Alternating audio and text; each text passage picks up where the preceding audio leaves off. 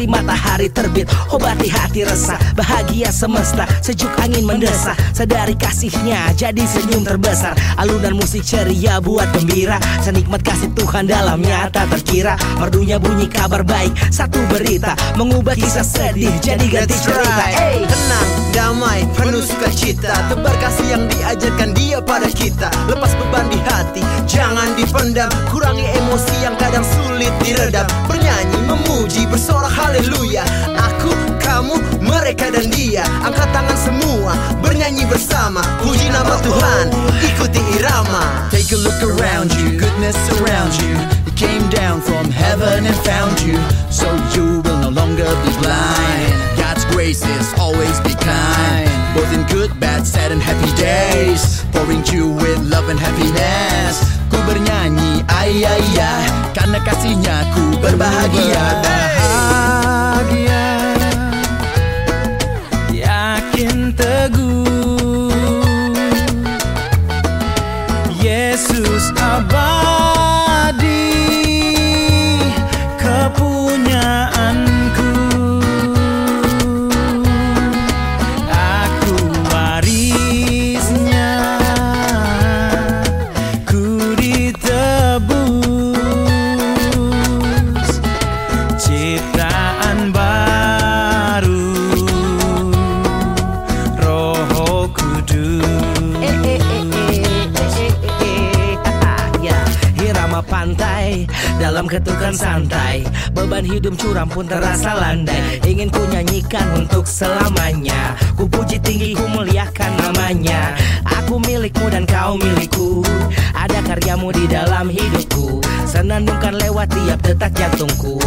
Berhembus lewat napas sepanjang hidupku. Check mic one two two to the three. Ayo ikut bernyanyi jangan diam sendiri. Uye uye ini musik reggae Mari bersorak teman. Ayo sekali lagi Hidup memang ribet penuh rintangan. Kadang banyak aturan banyak larangan. Tapi jangan takut jangan ragu. God on my side everything is alright. Watch the sunrise so beautiful.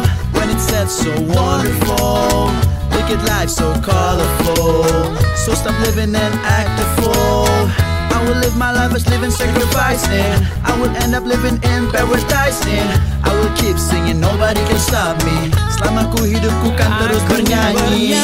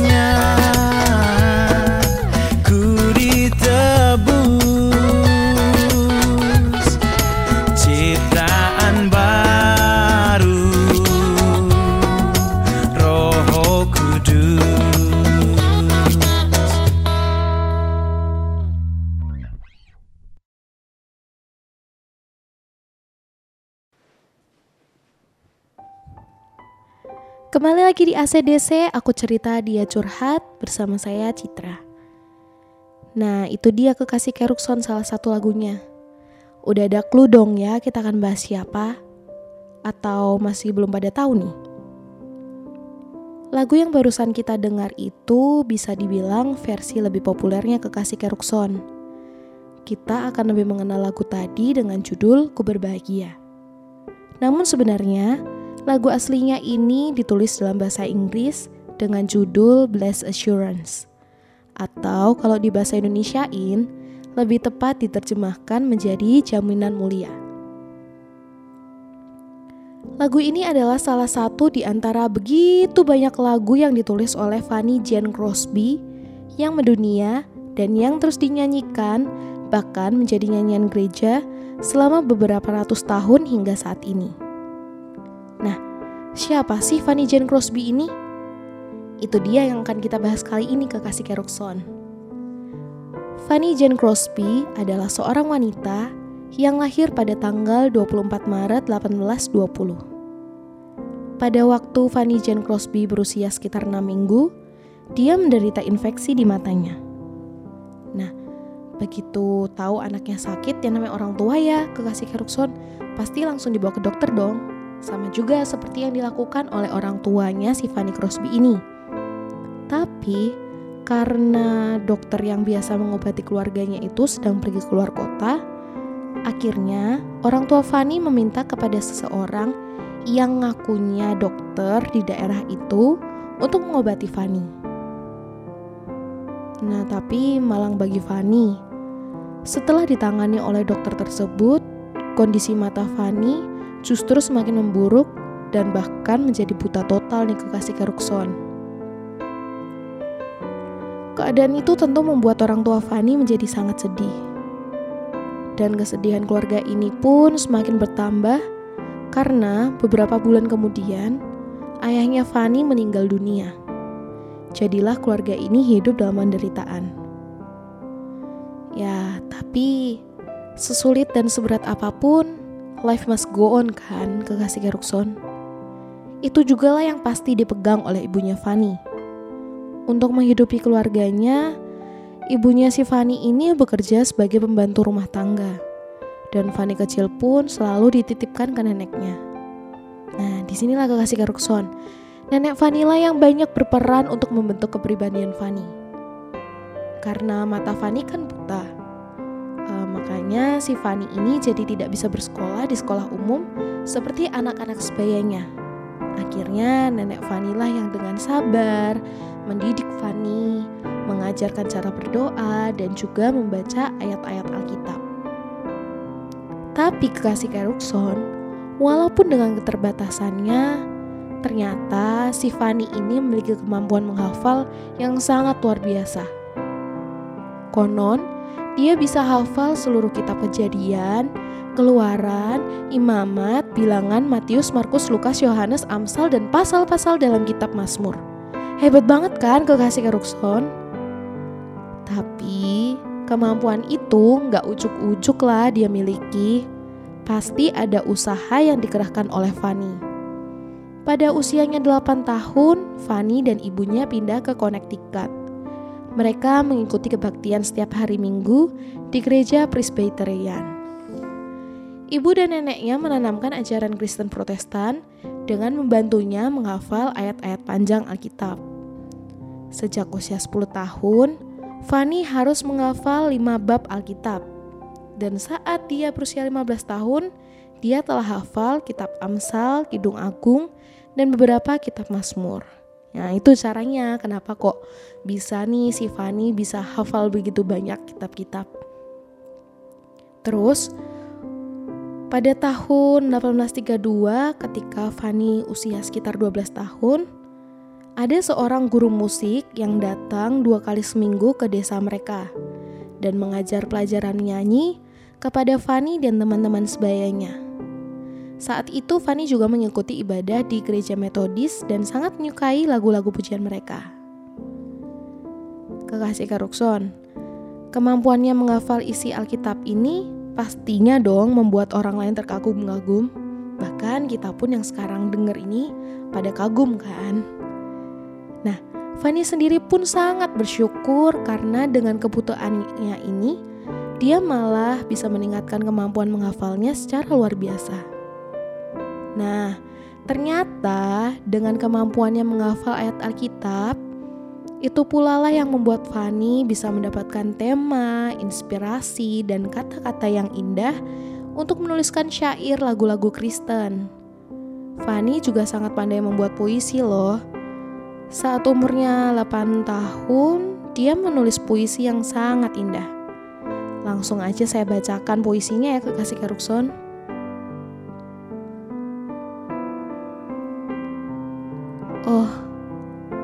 Anak yang sangat berbahagia. Meskipun aku tidak bisa melihat, aku memutuskan bahwa di dunia ini aku akan berpuas hati. Begitu banyak berkat ku nikmati yang tidak orang lain dapati. Untuk menangis atau berduka karena aku buta, aku tak akan melakukannya. Uh, bayangin gak sih kekasih Kerukson? Seorang anak gadis usia 8 tahun dengan kepolosan dan ketulisannya, hmm, dia tulis puisi itu. Terharu banget ya, keren banget gak sih? Nah, sampai usianya yang ke-40-an, Fanny sebenarnya masih belum menciptakan syair lagu untuk nyanyian Kristen nih kekasih Kerukson. Tapi, Fanny sudah menjadi pencipta puisi yang sangat terkenal. Kemudian melalui seorang pendeta dari Dutch Reform, Fanny dipertemukan dengan seorang bernama William Bradbury, seorang komposer lagu yang terkenal. William sudah mendengar tentang Fanny dan ingin bertemu dengannya. Kemudian William meminta Fanny untuk menulis syair puisi untuk lagu Kristen. Akhirnya, pada tahun 1864 saat Fanny berumur 44 tahun, dia menciptakan syair puisi untuk lagu Kristennya yang pertama. Sejak saat itu, Fanny Crosby dikontrak oleh penerbit buku Bigelow and Main di New York dan diberi tugas untuk menulis tiga buah syair untuk lagu rohani setiap minggunya. Syair-syair itu kemudian diterbitkan dalam buku untuk pengajaran sekolah minggu. Dan penerbit itu memiliki koleksi 5.900 syair rohani dari Fanny Crosby. Dan mereka memberikan tunjangan finansial untuk kehidupan Fanny sampai akhir hidupnya. Hingga meninggalnya, Fanny telah menulis lebih dari 8.000 syair lagu rohani loh kekasih Kerkson. Banyak banget ya 8.000. Itu pun lebih. nah, tapi Fanny tidak selalu mencantumkan namanya sebagai pengarang syair yang dia buat. Fanny memakai tidak kurang dari 200 nama samaran. Dia tidak mau dikenal sebagai pengarang dari begitu banyak lagu rohani. Sungguh luar biasa karyanya. Dia merupakan penulis syair terbanyak yang pernah ada. Ternyata, kebutaannya membawa berkat yang luar biasa bagi umat manusia. Sampai sekarang pun syair-syair lagu rohani Fanny Crosby masih dinyanyikan di mana-mana oleh berjuta-juta orang percaya di seluruh dunia dan telah diterjemahkan ke dalam berpuluh-puluh bahasa. Nah, kekasih Kerukson, balik lagi nih ke cerita awal tadi. Salah satu syair lagu karangan Fanny Crosby yang terkenal adalah Blessed Assurance. Penciptaan syair lagu ini memiliki kisah yang sangat unik loh. Ceritanya, Fanny Crosby ini kan memiliki banyak sahabat. Nah, salah satu sahabatnya bernama Nyonya Phoebe Knapp. Phoebe ini adalah seorang yang kaya dan pandai memainkan organ. Dia juga senang menciptakan melodi untuk lagu rohani. Di tahun 1873, saat Fanny berumur 53 tahun, suatu hari Phoebe datang ke rumah Fanny Crosby. Phoebe berkata, Tante Fanny, saya baru saja menciptakan melodi untuk lagu rohani. Coba dengarkan ya, saya akan memainkannya. Phoebe lalu duduk di depan piano dan mulai memainkan melodi lagu ciptaannya. Fanny Crosby menurut kesaksiannya sendiri tidak pernah mengarang syair lagu rohani tanpa berdoa terlebih dahulu. Jadi bisa dibilang mungkin banget nih kekasih kalau saat itu Fanny berlutut sejenak untuk berdoa. Phoebe selanjutnya memainkan melodi lagu ciptaannya untuk kedua kalinya, lalu untuk ketiga kalinya, sambil menoleh kepada Fanny, dia bertanya, Tante Fanny, apa yang dikatakan oleh not-not yang saya mainkan tadi? Pada saat itu juga, Fanny berkata, Blessed assurance, Jesus is mine.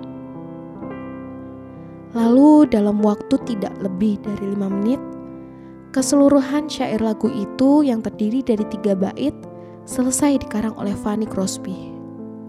Luar biasa sekali ya kekasih Carlson.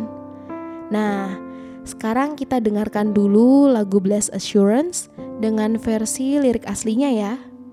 Tetap di Radio Kerukson, radionya GBT Ngesrep, beritanya memberkatiku.